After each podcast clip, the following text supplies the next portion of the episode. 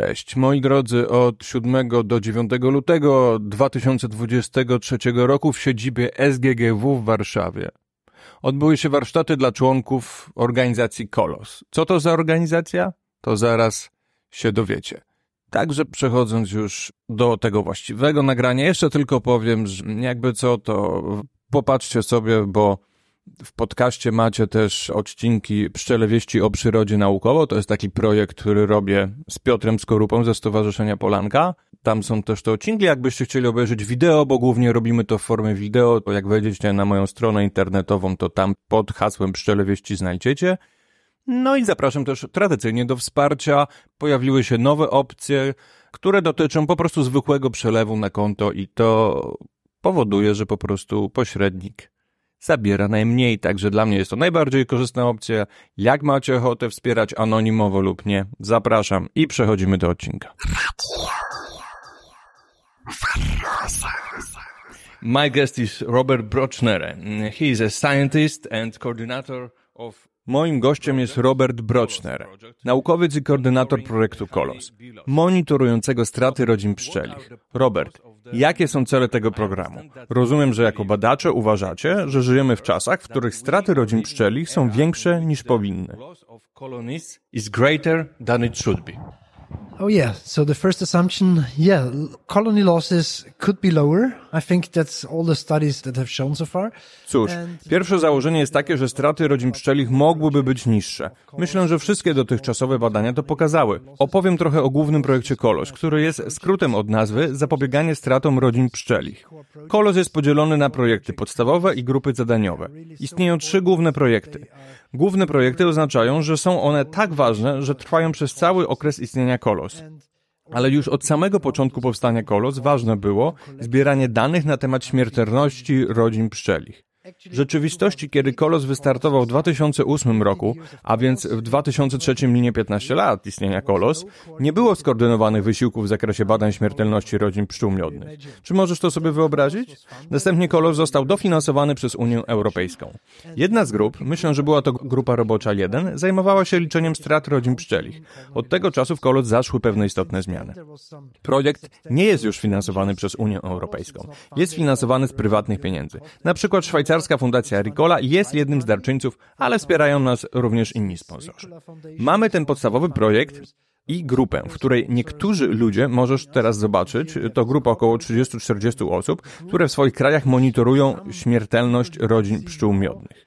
Wszystkie dane umieszczamy w jednej bazie i sprawdzamy, czy nasze hipotezy są prawdziwe. Na przykład, czy mamy wysokie wskaźniki utraty rodzin pszczelich i jakie są czynniki ryzyka z tym związane into one database and see if, if the assumption is true. For example, if we have high colony loss rates and what are risk factors associated with it. Tak jak inne badania statystyczne, także pewnie i te zależą od reprezentatywności próby. Czy dane od pszczelarzy są reprezentatywne? From beekeepers are representative. No cóż, to zależy od kraju. Są tutaj dwa zagadnienia. Możemy mierzyć ich reprezentatywność za pomocą różnych wskaźników. Na przykład w Austrii docieram do około, do około 5% populacji pszczelarzy, co mnie bardzo cieszy. W innych krajach docieramy nawet do ponad 20%. Mówię tu o Danii, Szkocji, Szwecji, Norwegii i innych krajach. Mamy bardzo wysoki wskaźnik odpowiedzi, więc jedno zagadnienie to jest współczynnik odpowiedzi. Drugą kwestią jest to, jak reprezentatywni są ankietowani. Na przykład w Austrii mogę porównać liczbę pni posiadanych do respondentów z tym, czego oczekuję. Jeżeli na przykład otrzymałbym dane tylko o dużych lub małych rodzinach, to mógłbym być stronniczy. Ale jestem całkiem zadowolony z tego, co otrzymuję. Myślę, że jest to bardzo reprezentatywne dla mojego kraju. To jest pierwsza rzecz. A ta druga rzecz, którą możemy przedyskutować, to to, że może nie potrzebujemy reprezentatywności.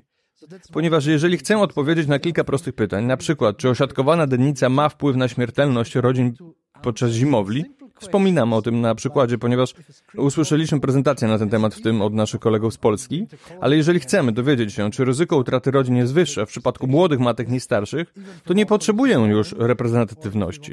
Potrzebuję jej natomiast, aby stwierdzić, że w danym kraju czynnik utraty kolonii wynosi 17%.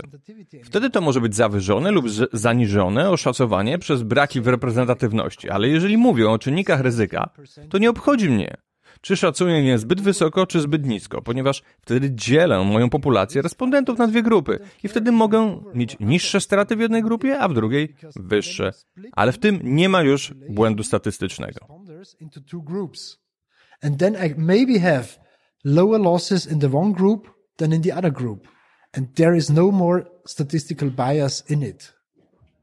Dobrze, ale czy jako główny cel interesują Cię przede wszystkim ogólne statystyki, czy cała Europa? Dobrze rozumiem? Tak, oczywiście, robimy to w ponad 30 krajach. Większość z nich pochodzi z Europy, ale mamy też na liście Meksyk. Mamy na składzie kilka krajów Afryki Północnej, jeden lub dwa kraje azjatyckie. Naszym celem jest więc mieć w zasadzie globalny zasięg. Byłoby świetnie, gdyby tak było. So we have a general interest to to actually to have a global coverage. That would be great. Yeah, but Mówiłeś jednak na prelekcji o tym, że obecnie w Polsce mamy mniej niż 1% aktywnych pszczelarzy, którzy tworzą tę statystykę. Rozumiem, co powiedziałeś chwilę wcześniej, ale wciąż myślę, że to niezbyt dobra ilość poniżej tego 1%. Więc może moglibyśmy teraz skierować jakieś przesłanie do polskich pszczelarzy. Cóż, statystyka jest dobra, ale wskaźnik odpowiedzi mógłby rzeczywiście być wyższy. 1% nie jest tak dobry jak 5%. Więc moja rekomendacja jest taka. Byłoby wspaniale, gdyby Polska mogła zwiększyć ten wskaźnik uczestnictwa w tym projekcie. Jednym z przykładów jest to, ile e-maili otrzymuję od austriackich pszczelarzy z podziękowaniami. Piszą mniej więcej tak. Kiedy raz w roku siadam i odpowiadam na ankietę, przyczyniając się do badania, to zmusza mnie to do zapisania tego, co robiłem na pasiece. Wtedy lepiej widzę lub rozumiem, że stoi za tym jakaś struktura, która być może nie jest tak widoczna dla mnie na pierwszy rzut oka. Kiedy jestem jednak zmuszony to zapisać, zastanawiam się nad tym, co zrobiłem. A dzięki tym wynikom badań, jeżeli na przykład straciłem 20-30% moich rodzin, mogę to porównać z wynikami w moim okręgu czy regionie. I widzę, że straciłem więcej niż koleżanki i koledzy. Zmusza mnie to do zastanowienia się, co mógłbym zrobić lepiej. Dlatego myślę, że to, co robimy z tym projektem, to jest także działalność edukacyjna. Then the colleagues, I need to maybe reflect what I could do better. So I think that there is also an educational approach in what we are doing here. Dobrze, ale teza, że im więcej pszczelarzy w tym projekcie, tym lepiej jest poprawna, tak? Tak, im więcej, tym lepiej. Mówimy więc również o angażowaniu pszczelarzy w ramach crowdsourcingu. Mówimy o dużych zbiorach danych, a im jest ich więcej, tym lepiej. Tym dokładniej można odpowiedzieć na pytania badawcze. Oczywiście lepiej dla projektu naukowego, ale także dla pszczelarzy, jeżeli martwią się o swoje straty, prawda? Tak, właściwie to, co robimy, to staramy się zoptymalizować pszczelarstwo i zmniejszyć straty rodzin pszczeli, na przykład dzięki wiedzy o najlepszych praktykach zarządzania. Okej, okay. moje ostatnie pytanie. Jakie masz plany na przyszłość? Mam na myśli oczywiście projekt.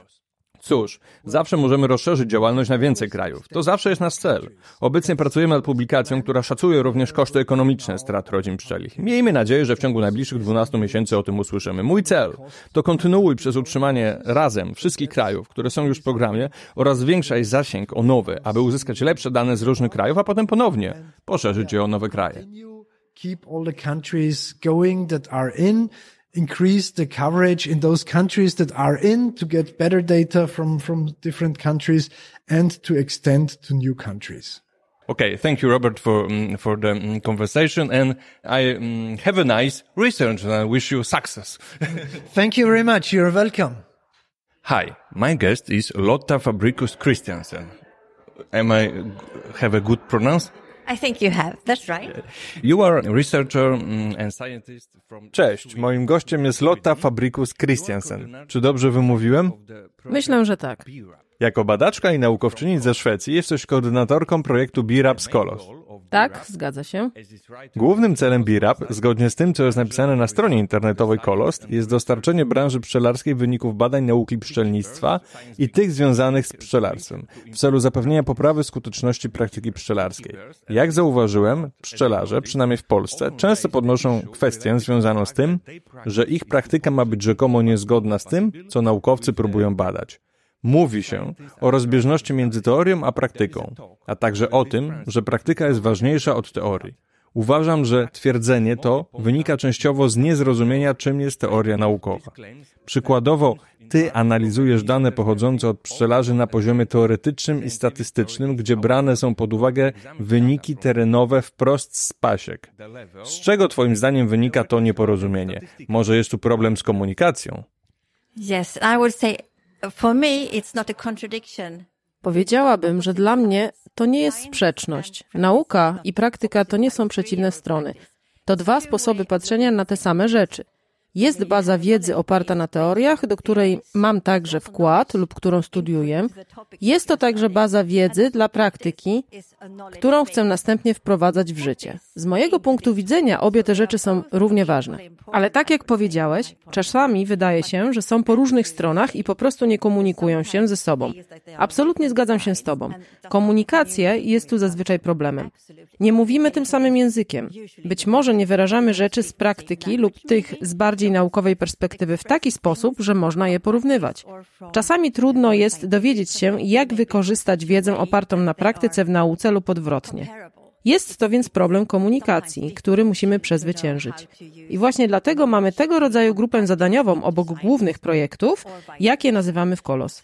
To działa w obie strony. Próbujemy rozwiązać problem, jak możemy przejść od praktyki do teorii i od teorii do praktyki. Jak możemy je razem połączyć? How can we bridge this? How can we have the exchange from practice to theory and theory to practice? So it's both ways. Jakich narzędzi używacie zatem do komunikacji z pszczelarzami? Możemy korzystać z wielu sposobów docierania do nich. Powiedziałabym, że najczęstszym sposobem jest pisanie artykułów popular popularno-naukowych, zazwyczaj do czasopism pszczelarskich i dawanie prelekcji. Przeprowadziliśmy ankietę wśród członków KOLOS, aby zobaczyć w jaki sposób rozpowszechniają swoje badania. Okazało się, że te dwa sposoby komunikacji są najczęstsze. Artykuły w czasopismach pszczelarskich i prowadzenie prezentacji na żywo. Giving presentations and writing articles in, in beekeepers magazines. Jak myślisz, jaką rolę w tej akcji mogą odegrać popularyzatorzy nauki? Na przykład tak jak ty to robisz. Tacy łącznicy jak ty mogą być bardzo skuteczni popularyzując naukę, ale przydatne są również osoby pracujące jako doradcy w pszczelarstwie. Powinniśmy szukać różnych sposobów dotarcia do pszczelarzy. Niektórzy ludzie więcej słuchają i oglądają, a jeszcze inni lubią czytać. Każde medium informacyjne jest bardzo ważne. We have to find different ways some people are listening more and look, or others looking to videos or other, yeah, like to read. So it's different ways of getting the same information. So every channel is very important. Jeśli dobrze rozumiem ideę tego projektu, to staracie się zrozumieć problemy pszczelarzy w trakcie waszych badań, w których oni informują was, jaki efekt chcieliby osiągnąć, aby uznać, że ich działanie było czy jest skuteczne. Tak, nie wiem, czy dobrze zrozumiałam Twoje pytanie, ale przypuśćmy, że pszczelarz ma problem. Chce go jakoś rozwiązać. My umieszczamy ten problem w badaniach w taki sposób, aby móc go móc wyciągnąć wnioski z doświadczenia pszczelarza i zobaczyć, co możemy dla niego zrobić, aby mu pomóc rozwiązać ten konkretny problem. Zazwyczaj nauka daje bardziej ogólne wnioski, które mogą nie być wprost praktyczne dla pszczelarza, ale jeśli mielibyśmy dobrą komunikację między praktykiem a badaczem, być może moglibyśmy uzyskać więcej. Być może moglibyśmy mieć więcej badań dotyczących nauk stosowanych faktycznie, dających pewne rozwiązania praktyczne dla pszczelarzy. Trudniej jest znaleźć fundusze na te bardziej praktyczne projekty badawcze, ponieważ zazwyczaj są one znacznie mniej chętnie dofinansowywane niż badania z nauk podstawowych. W tym celu musimy nieco zmienić system, ponieważ potrzebujemy więcej pieniędzy na badania praktyczne. Naukowcy uczestniczący w takich badaniach powinni też mieć dobre wyniki w ocenie za pracę naukową. Zwykle liczy się ilość publikacji w różnych czasopismach naukowych. Nie są to popularne magazyny, są to czasopisma naukowe. Jeśli mielibyśmy system, w którym naukowcy spędzaliby więcej czasu na tworzeniu artykułów popularno-naukowych i byliby za to wynagradzani, to moglibyśmy również mieć lepszy zasięg i bardziej praktyczne podejście badawcze. then we can also have a better outreach and more applied research approaches. Jeśli dobrze Cię zrozumiałem, to głównym Waszym założeniem jest, że Ty jako naukowczyni powinnaś pracować z pszczelarzami nad tym, co pszczelarze sami uznają za swój problem do rozwiązania. Tak. Dlaczego o to pytam? Ponieważ chciałbym obalić to nieporozumienie, że teoria i praktyka są wzajemnie sprzeczne, po dwóch różnych sprzecznych stronach. Tak, nie powinno tak być. Powinny być po tej samej stronie. Myślę, że mamy te same cele, ale różne sposoby ich osiągania. Musimy znaleźć punkty styczne, w których naukowcy i pszczelarze faktycznie mogliby się spotkać i wspólnie omawiać swoje problemy. To nie jest łatwe. Takich miejsc nie ma dużo. Na przykład, jeżeli masz słuchaczy tego podcastu, którzy są pszczelarzami, może powinieneś zorganizować spotkanie i dyskusję. To mógłby być dobry początek czegoś większego. Moje ostatnie pytanie, ale długie pytanie. Czy dla pszczelarzy, według Waszych badań, ważniejsze dla rozwiązania ich problemów są zyski ekonomiczne czy zdrowie pszczół? Spodziewam się, że odpowie, że to i to jest istotne, ale wydaje mi się, że badania pokazują, że nie zawsze idzie to w parze. Oczywiście mam na myśli krótkoterminowe zyski w pasiece, a nie długoterminowe zyski dla pszczół świadczących tak zwane usługi ekosystemowe dla ludzkości. Tak, ale aby na to zwrócić uwagę, trzeba nieco podnieść poprzeczkę. Mieć szerszy obraz. Oczywiście, zwykle w pszczelarstwie, jeśli masz zdrowe pszczoły, to wiąże się to także z wyższymi wynikami ekonomicznymi. Na wielu przypadkach możemy zaobserwować, że bardziej profesjonalni pszczelarze w rzeczywistości mają niższe straty w rodzinach pszczelich, co oznacza ogólnie lepsze zdrowie pszczół. W Europie czy na całym świecie? Nie mogę odpowiadać za cały świat, tylko za część europejską, ale wiem, że w Ameryce Północnej jest podobnie.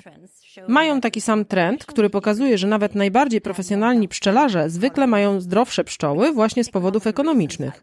Powiedziałabym, że zysk z pszczół jest na ogół ważniejszy, ale zdrowie pszczół i skuteczne usługi ekosystemowe dzieją się niejako przy okazji.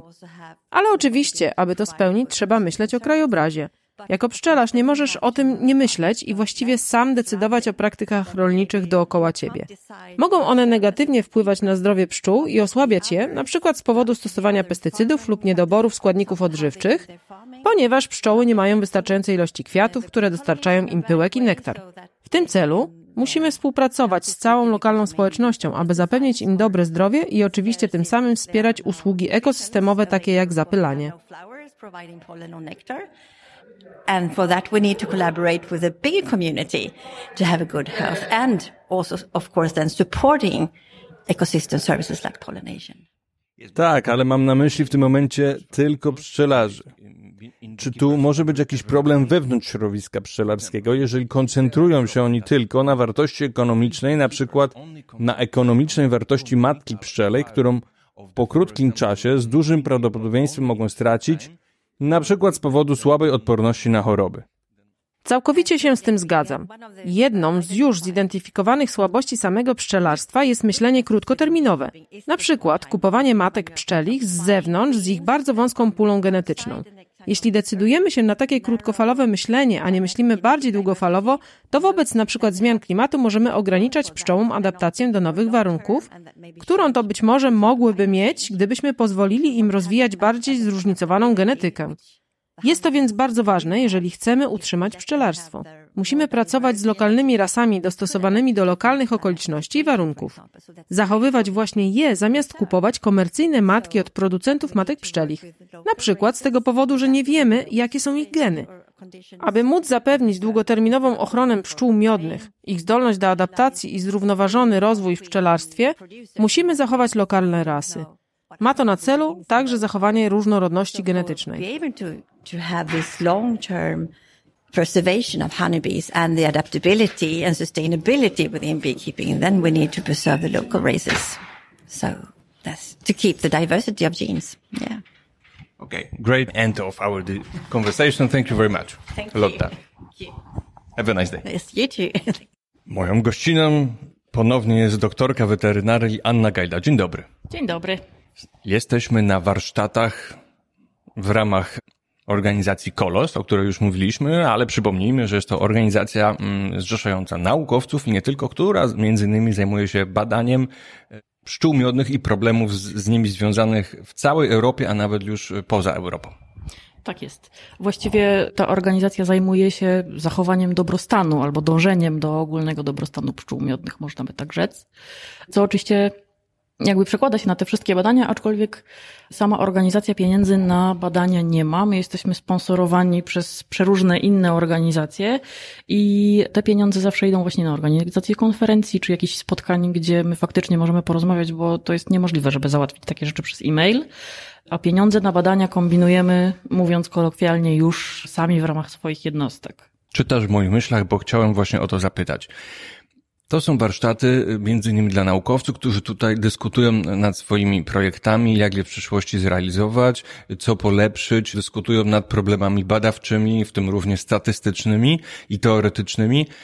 No, ktoś mógłby powiedzieć, że zmarnowane pieniądze, prawda? Że można było przeznaczyć na to co innego. Natomiast byłem gościem tutaj na tych, na tej części związanej z prelekcjami. Muszę powiedzieć, że to, co już słyszałem w internecie, zauważyłem też tutaj, że jeżeli jest rozmowa na, na, żywo z ludźmi, którzy są w tej samej sali, czy to mają prelekcje, czy dyskutują, zadają pytania, jest dużo bardziej ożywiona niż jak jest, bo mieliśmy tam pojedyncze przykłady zdalnych prelekcji. Od razu zauważyłem, że no, ludzie się rozpraszają, nie są tak zaangażowani, prawda? Jednak to spotkanie, nie wiem, czy to potwierdzasz, spotkanie jednak jest bezcenne spotkanie naukowców w grupie, jak i w ogóle na żywo po prostu.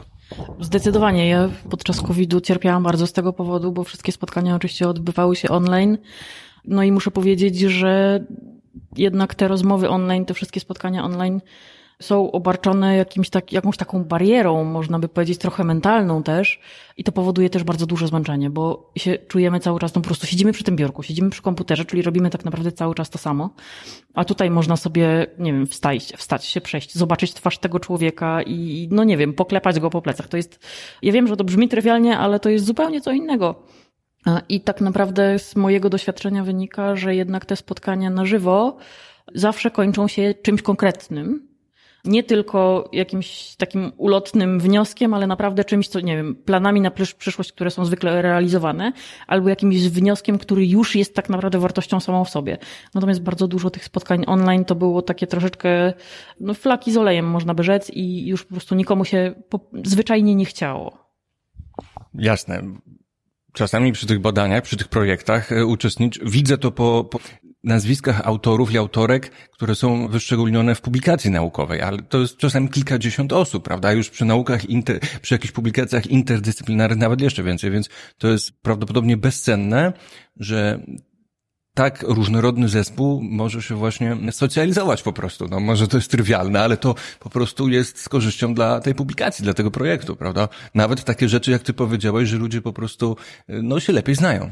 Zdecydowanie, zresztą Kolos jest ewenementem na skalę światową pod tym względem i jesteśmy tak naprawdę jedyną grupą naukowców, jeśli można tak powiedzieć, bo jesteśmy praktycznie z całego świata, która robi badania, które tak naprawdę są prawdziwe dla całego świata.